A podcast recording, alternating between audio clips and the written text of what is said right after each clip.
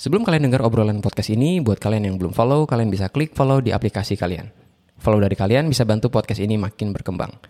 Dan kalau kalian juga mau kasih pertanyaan atau topik untuk dibahas di podcast ini, kalian bisa klik link yang ada di deskripsi podcast ini. Value kita itu bukan tentang barang yang kita punya, tapi tentang kualitas internal yang kita miliki. Ketika kualitas internal tersebut menjadi suatu karya atau kontribusi, maka kita bisa jadi value untuk orang lain. Lalu kemudian, value itu kita tukar dengan uang, posisi, dan pengaruh. Di episode terakhir bulan Maret 2022 ini, kita akan bahas 4 cara untuk mengembangkan value yang kita miliki.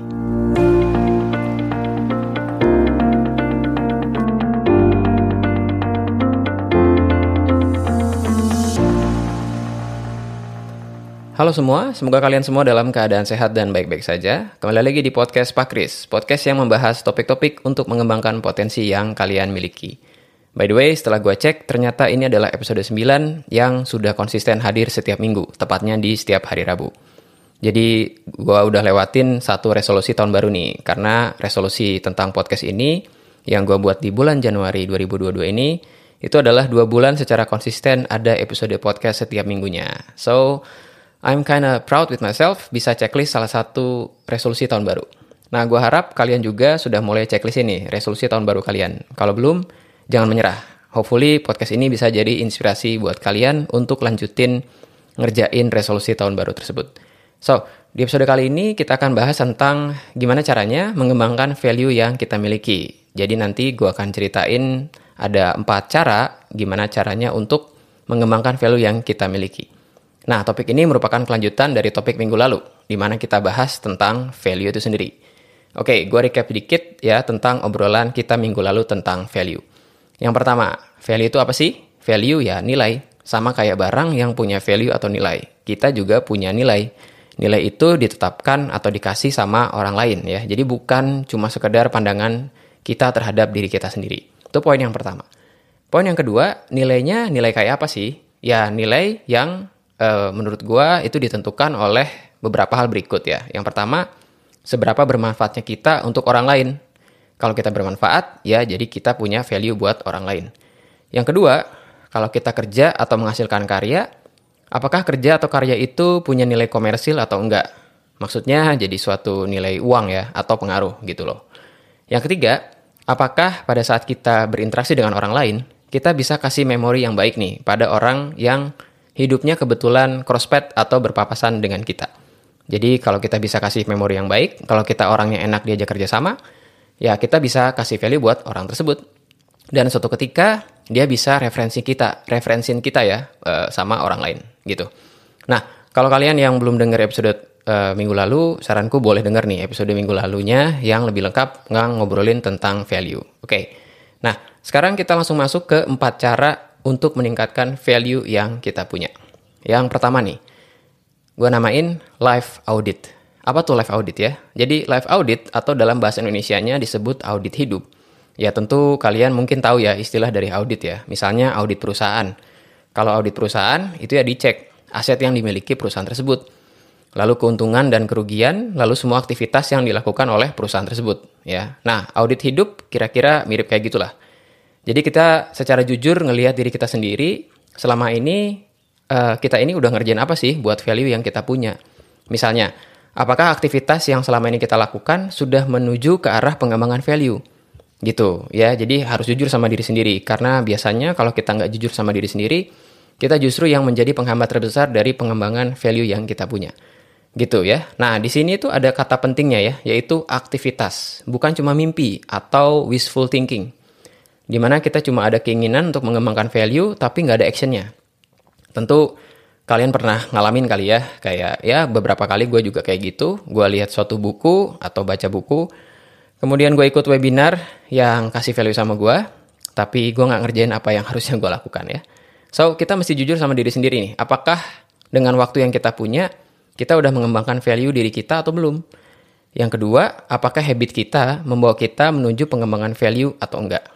Simpel aja nih ya kalau kita menggunakan waktu yang kita uh, kelola ini ya untuk melakukan aktivitas, apakah waktu itu waktu tersebut kita itu udah melakukan yang terbaik dengan waktu yang kita punya dalam hal ini mengembangkan value ya.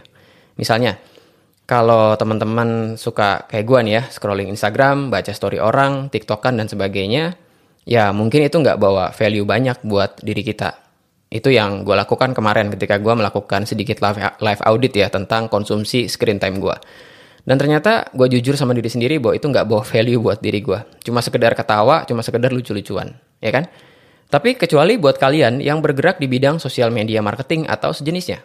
Kegiatan scrolling kayak gitu ya jadi value buat kalian kalian jadi tahu um, kisah pawang hujan yang sekarang lagi rame di Mandalika.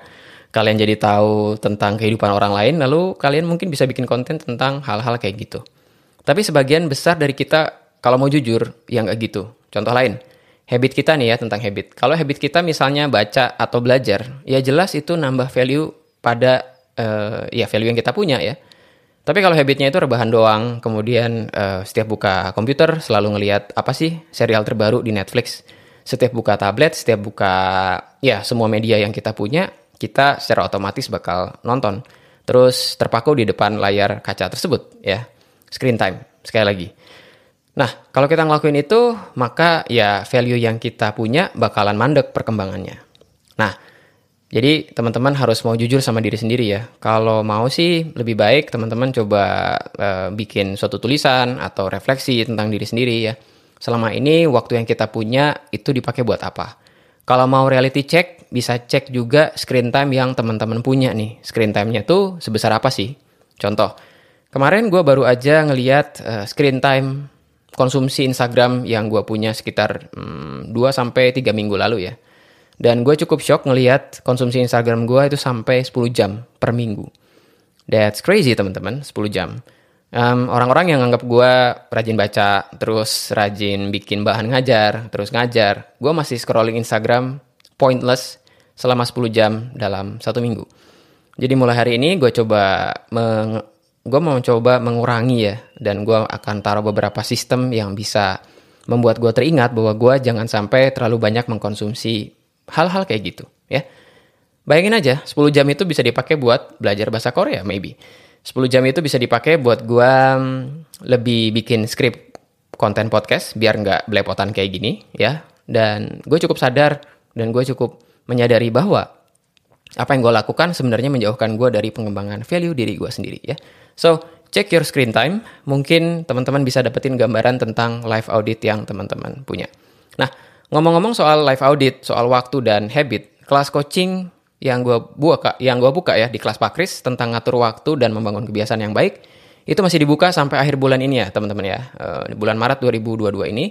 Link informasinya bisa dicek di deskripsi atau show notes dari podcast ini, atau bisa langsung masuk ke websiteku di www.christianfredina.com ya. Jadi ini sifatnya coaching bukan webinar Teman-teman akan didampingi sama gue pribadi, ada sesi personal coachnya juga untuk ngatur waktu dan membangun kebiasaan yang baik. Nah, di coaching ini juga akan dilakukan seperti yang tadi gue bilang ya, live audit, di mana kalian akan, kalau kalian sign up, kalian akan dituntun untuk melihat bagaimana kalian ngatur waktu dan ngelihat habit yang selama ini kalian jalankan. Dan by the way, per hari ini gue udah melakukan pre, gue akan melakukan hmm, namanya gue namain pre-coaching, jadi udah ada enam orang yang udah sign up yang bakal ngobrol sama gue sekitar 15 menit untuk ngeliat apa yang bisa gue bantu buat mereka. Oke, okay? so itu poin pertama tentang live audit. Jadi be honest with yourself. Apakah teman-teman sudah melakukan aktivitas yang mendekatkan teman-teman ke pendekatan, eh, sorry, bukan pendekatan, pengembangan value yang kalian punya. Itu kan belepotan. Yang kedua, tahu potensi atau talenta. Gue ulangi ya, tahu potensi atau talenta. Nah, ini juga mirip dengan live audit ya. Tapi kalau tadi live audit lebih ngomongin histori kita um, punya kebiasaan dan ngatur waktu. Nah, sekarang kita mau lihat bagaimana live audit ini bisa dikaitkan sama tahu potensi atau talenta.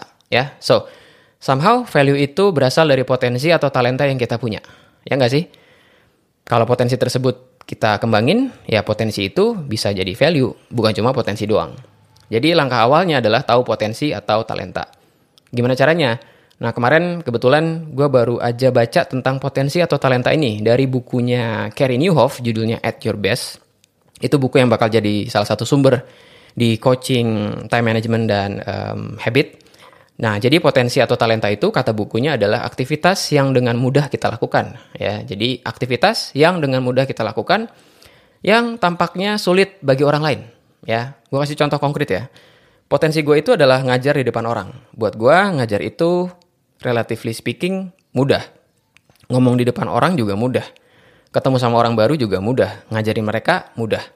Nyiapin bahan buat seminar dan workshop juga makin sini makin mudah. Kalau dulu mungkin rada lebay gue sampai 2 sampai 3 jam sekarang karena udah banyak referensi, nah 30 menit gue bisa buat slide yang kata orang, wow, keren banget gitu ya teachingnya atau keren banget webinar atau workshopnya. Padahal gue bikin dalam waktu yang singkat. Nah, di situlah letak potensi atau talenta gue. Nah, ini yang ada di podcast minggu lalu juga nih ya. Misalnya, seperti apa sih um, potensi atau talenta itu? Apakah semua aktivitas bisa kita kategoriin sebagai potensi atau talenta? Minggu lalu gue sempat ceritakan tentang main game. Main game itu menurut gue bukan potensi atau talenta, unless kecuali main game itu bisa da bawa dampak positif bagi orang lain, kayak menang turnamen, lalu uangnya bisa digunakan untuk meringankan beban orang tua kalian bisa gunakan buat self development uh, hasil uang dari main game di turnamen tersebut. Tapi kalau cuma sekedar suka, cuma sekedar uh, ngabisin waktu buat main dan kalian menganggap itu sebagai potensi, mungkin harus ditinjau ulang. Maybe that's not your potential, itu cuma sekedar having fun with yourself gitu ya. Jadi cari tahu potensi kalian. Nah, potensi ini juga yang menjadi bisa dibilang niche ya atau bisa jadi satu angle yang bisa gua serve buat siapa pun yang dengar di mana podcast ini ada untuk mm, ngobrolin topik-topik tentang gimana mengembangkan potensi yang kalian miliki. So harapnya um, ya gue berharap podcast ini bisa jadi bahan yang bisa jadi inspiratif, yang bisa bantu kalian buat ngembangin potensi. Oke, okay?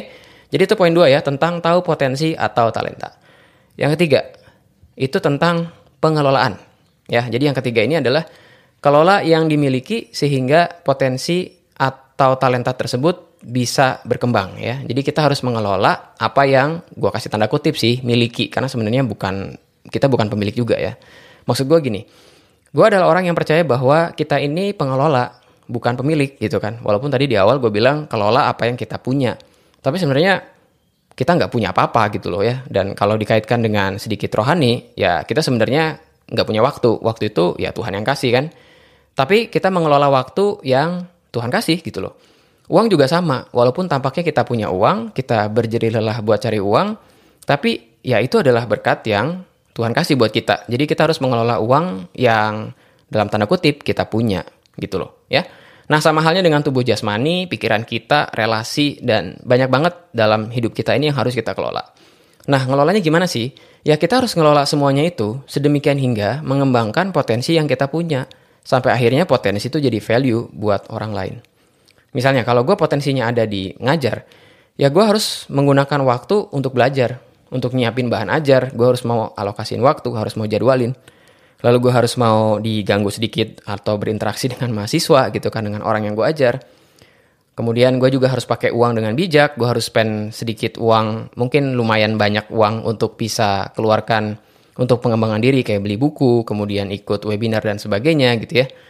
Nah, hal-hal kayak gitu ya, di mana kita bisa mengelola apa yang dalam tanda kutip kita miliki untuk mengembangkan potensi yang kita punya. Nah, jadi seperti yang tadi gue bilang, buat um, kalian juga pribadi, kita kaitkan lagi nih dengan live audit tadi ya. Jadi selama ini, coba tanya sama diri sendiri. Apakah kalian ini sudah menggunakan apa yang kalian dalam tanda kutip miliki, itu untuk kalian kelola, untuk mengembangkan value yang kalian punya ya. Apakah sampai sekarang masih nyanyian waktu, masih buang-buang uang, masih mikirin uang segini worth it gak sih buat gue ikut kelas, uang segini worth it gak sih buat gue ikut uh, atau gue beli buku, uang segini worth it gak sih buat ikut komunitas yang sebenarnya baik buat value kalian, ya. Yeah? So, di sini pentingnya banget, eh, penting banget buat kalian melakukan live audit dan walaupun ini udah sampai poin 3 tapi tetap gue balikin ke poin satu tadi tentang live audit ya. So, Kelola apa yang dalam tanda kutip kalian miliki, karena pada saat kalian mengelola hal yang sedikit, ya mungkin someday kalian akan mendapatkan suatu ya pengelolaan yang jauh lebih besar lagi gitu ya. Kayak misalnya gue karena gue udah bisa mengelola ya relatif relatively speaking gue bisa ngelola waktu, terus gue juga dipercaya buat bawain webinar, bawain workshop ya kan ketika gue udah bisa ngelola hal itu, gue nggak telat, gue nyiapin bahan dengan baik, ya orang-orang mulai referensi gue, akhirnya mereka ngundang gue juga, ya. So, kelola apa yang kalian lebih tepatnya mungkin dititipin ya, dititipin waktu, dititipin uang, dititipin tubuh yang sehat, dititipin pikiran, dan dititipin relasi dengan orang lain ya. So kalian harus kelola dengan bijak. Yang keempat, nah ini yang menurut gue penting juga nih untuk bisa ngembangin value kalian ya. Yang keempat itu buat karya dan kasih kontribusi kepada komunitas. Gue ulangi ya, buat karya dan kasih kontribusi di komunitas di mana kita berada.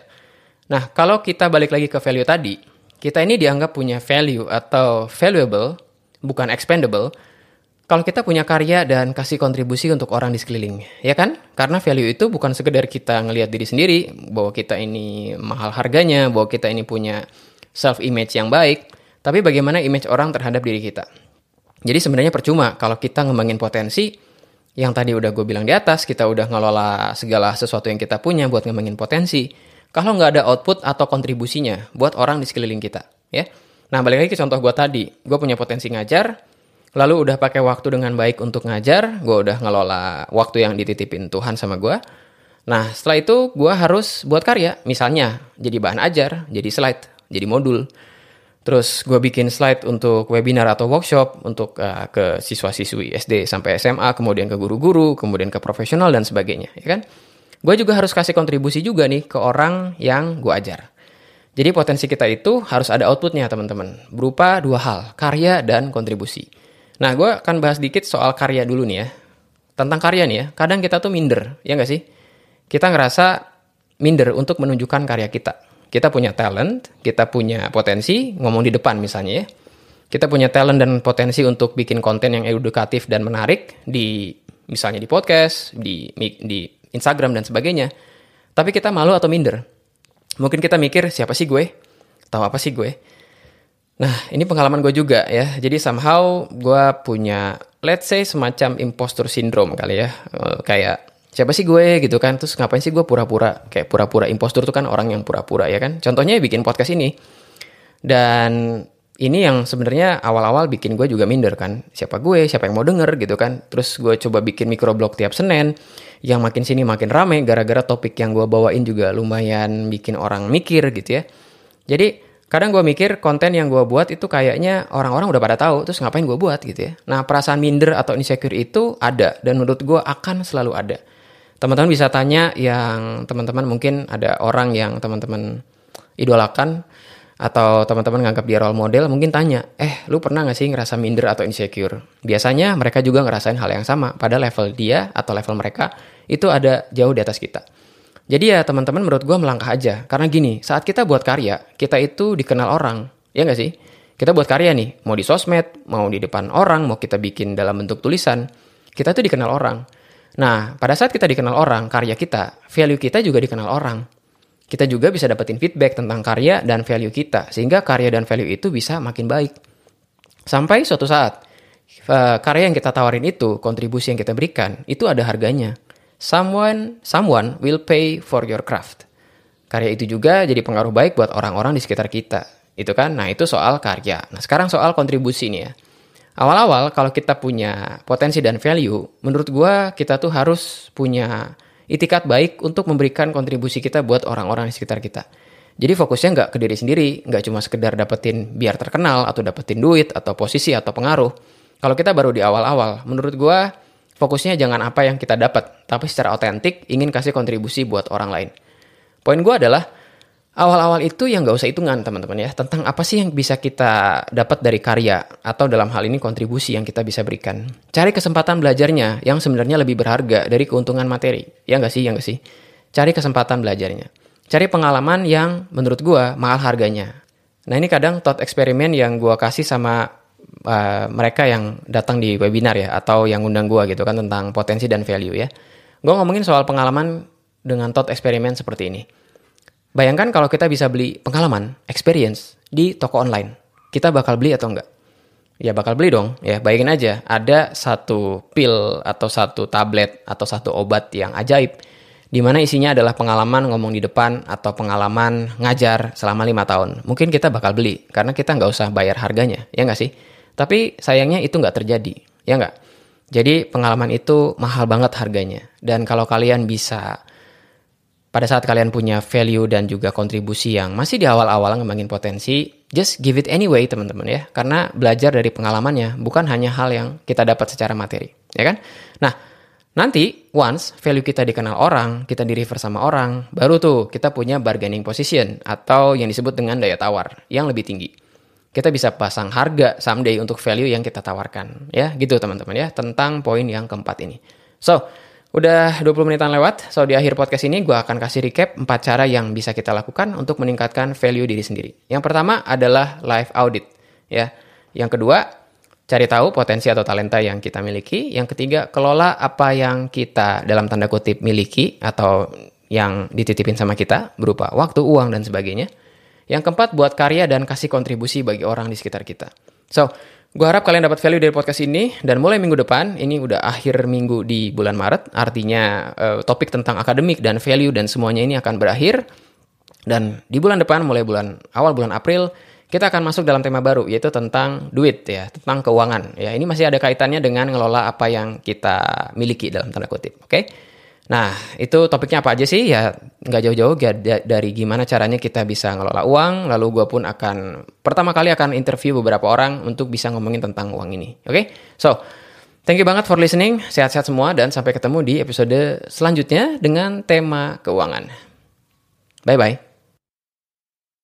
Kalau kalian dapat value atau manfaat dari podcast ini dan ingin say thank you, kalian bisa support podcast ini dengan mentraktir Pak Kris dengan klik link yang ada di deskripsi podcast ini. Terakhiran kalian akan sangat berarti untuk podcast ini tetap running dan bantu orang-orang untuk stay productive. I'll see you guys later dan stay productive.